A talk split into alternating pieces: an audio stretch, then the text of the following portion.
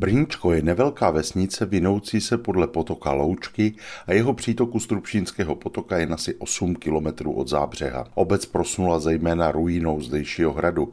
Najdeme tady však i jiné zajímavé památky a mezi ně patří rozhodně pozoruhodný prastarý kostelík narození Pany Marie. Při prvním pohledu se na něm nezdá nic zvláštního. Jedná se o jednolodní stavbu s hranatou věží krytou střížkou zakončenou bání.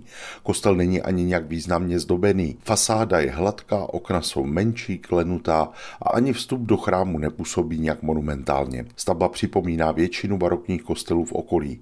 Stojí v centru obce, obklopena zdí z lomového kamene s bránou před vstupem do chrámu, která kdysi ohraničovala zdejší hřbitůvek, po něm zbyly jen nepatrné zbytky. U vchodu pak stojí mohutný klasicistní kříž datovaný rokem 1796. Jen lidé poněkud obeznámenější ze stavební historií si všimnou apsidy v závěru kostela zaklenuté valenou klembou, která napovídá, že minimálně tato část kostelíka je o dost starší, než by se mohlo zdát. Průzkum prokázal nejen gotické, ale dokonce i románské prvky, které rozhodně stojí za vidění. Když se začnete ptát na historii kostela místních obyvatel, řeknou vám, že je starší než ruína hradu nad obcí. Ten byl postaven patrně už v první polovině 14. století a vzhledem k nálezům opravdu není vyloučeno, že zdejší kostelík, nebo spíše kaple, protože kostel vlastně nikdy neměl farní zprávu, stával už dříve.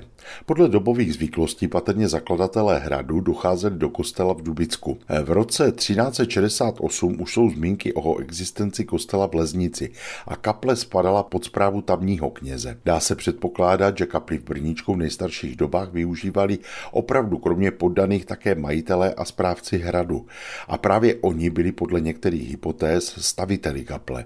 Podle jiných zde skutečně kaple stávala už v polovině 13. století a pánové z hradu ji jenom udržovali. V 15. století byl patrně kostel pod zprávou nekatolických kněží a to vzhledem k vrchnosti platilo až do roku 1621. Po 30 leté válce, kdy i leznická fara zůstala prázdná, patřil kostel pod zprávu kněze z Dubicka a později z Rohle. Teprve v roce 1784 byl v Leznici farní úřad obnoven a pod jeho zprávou i v jeho vlastnictví je kostelík dodnes. Podoba kostela se samozřejmě měnila. V počátcích se jednalo jen o malou svatyni, pravděpodobně půlkruhového půdorysu bez věže, ze které se nám zachovaly fragmenty portálu a zdivo. Po dostavbě hradu vzrostl význam svatyně a majitele panství se rozhodli do kaple investovat. Důkazem mohou být nástěné malby objevené zcela náhodně v roce 2014.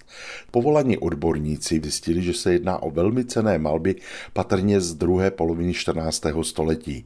Podle restaurátora Dušana Rohlíka se zdá, že by to mohly být dokonce nejstarší figurální fresky v širším okolí. Malby pokrývají presbytář i vítězný oblouk. Jedná se patrně o 12 apoštolů, nad nimiž je Kristus a také vyobrazení několika menších postav, snad donátorů kostela. Přestože nejznámějšími majiteli hradu byl rod Tunklů v 15. století, jeho zásluhou byly pravděpodobně fresky zakryty tou pozdější malbou. Tunklové jako utrakvisté měli k příliš zdobeným církevním stavbám spíše odpor. Později se na malby zapomnělo, i když je kostel běžně uzavřen, v letních měsících se dovnitř dá nahlédnout, alespoň přes stupní mříž.